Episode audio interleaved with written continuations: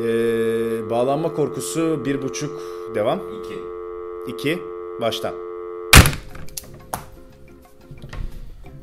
Başına geldi.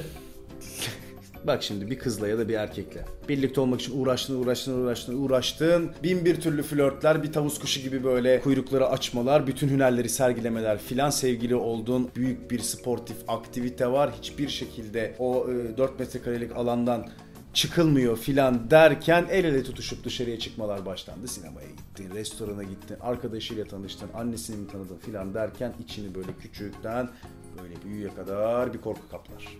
Ondan sonra korku böyle büyüyor, büyüyor, büyüyor, büyüyor, büyüyor. Diyorsun ki bundan sonra hep bu mu? Ben açık büfeye tostla mı gideceğim? Acaba doğru insan bu mu? İşte bula bula ben bu herifimi buldum. Neyse ne. Bunun ismi bağlanma korkusu.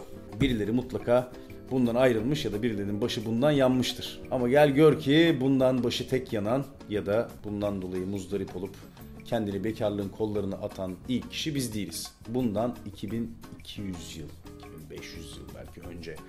Milattan önce 8. yüzyılda Homeros diye bir adam var. Odyssey diye bir tane kitabı var. Bak 2500 yıl diyorum. Bugün en uzun bizim e, Muammer emmi Kafkas'tır çok uzun yaşadı dediğin adam 110 yıl yaşıyor. Bak bundan yaklaşık 200 tane var nesil. Geriye gidiyorsun. Kahramanımızın ismi Odysseus. İşte böyle Ege'nin kıyılarında bir maceralara çıkıyor. Hani var ya mitolojik hikayede Herkülük falan gibi. Bir limandan geçiyor. O limanda deniz kızları, sirenler var. Deniz kızına işte belinin altı böyle balık. Belinin üstü hiç de öyle kefal gibi, levrek gibi değil. Bayağı taş gibi hatun. Güzel hanımefendiler Ege'nin kıyılarında ikamet ediyorlar. Adaya doğru gidenler olursa gemilerle şarkı söylüyorlar. Bunların bir başka özelliği de bu. O kadar güzel ki sesleri gemiden kendini atıp boğulmak istiyorsun. Yani kuyruğun olayım diyerek gemiden atlayıp boğulan bir sürü gemicinin hunharca can vermesine sebep olmuş bu arkadaşlar. Odysseus'u da tehdit ediyorlar çünkü oradan geçiyor gemisiyle. Tabi bunun haberini alıyor. Kahraman o ya. Diyor ki bizim kesinlikle bu sese gitmememiz lazım. Uçkurumuzun dikine gitmememiz lazım. Yani bizim artık kan beyin kan oraya gittiği zaman çünkü erkeğin iki tane bölgesi var ama ikisine aynı anda yetecek kadar kan yok. Bizim Odysseus da bunun farkında. Diyor ki ben ne kadar kendime mukayyet olursam olayım sonuçta o sirenler güzel sesleriyle o taş gibi hatunlu hanımefendiler güzel sesleriyle bize şarkı söylediklerinde ben de tayfamda gemiden kendimizi atacağız. Buna bir önlem alıyor. Kendilerini geminin direklerine ve güvertelerine bağlıyorlar tayfa ile birlikte.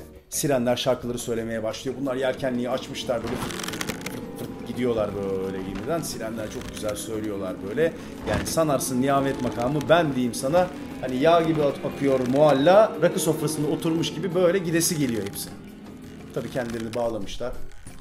Gidemiyorlar gemiden.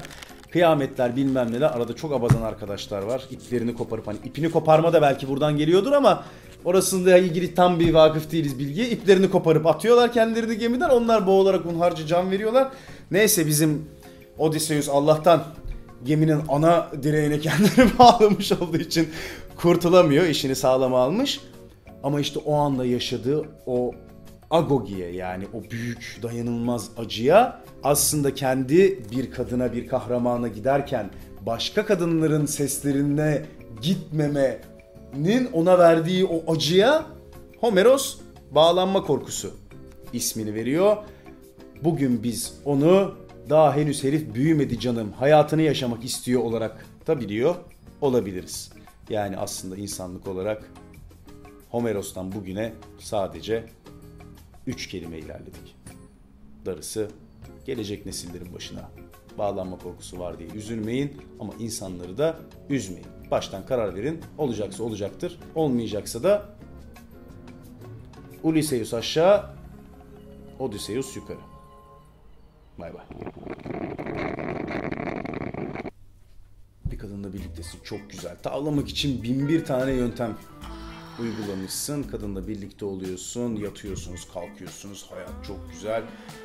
Feromonlar havalarda uçuşuyor. Yataktan çıkmıyorsunuz. Arada bir portakal suyu içip devam ediyorsunuz belki filan. Ondan sonra elini tutuşup dışarıda buluşmalar başlıyor derken bir anda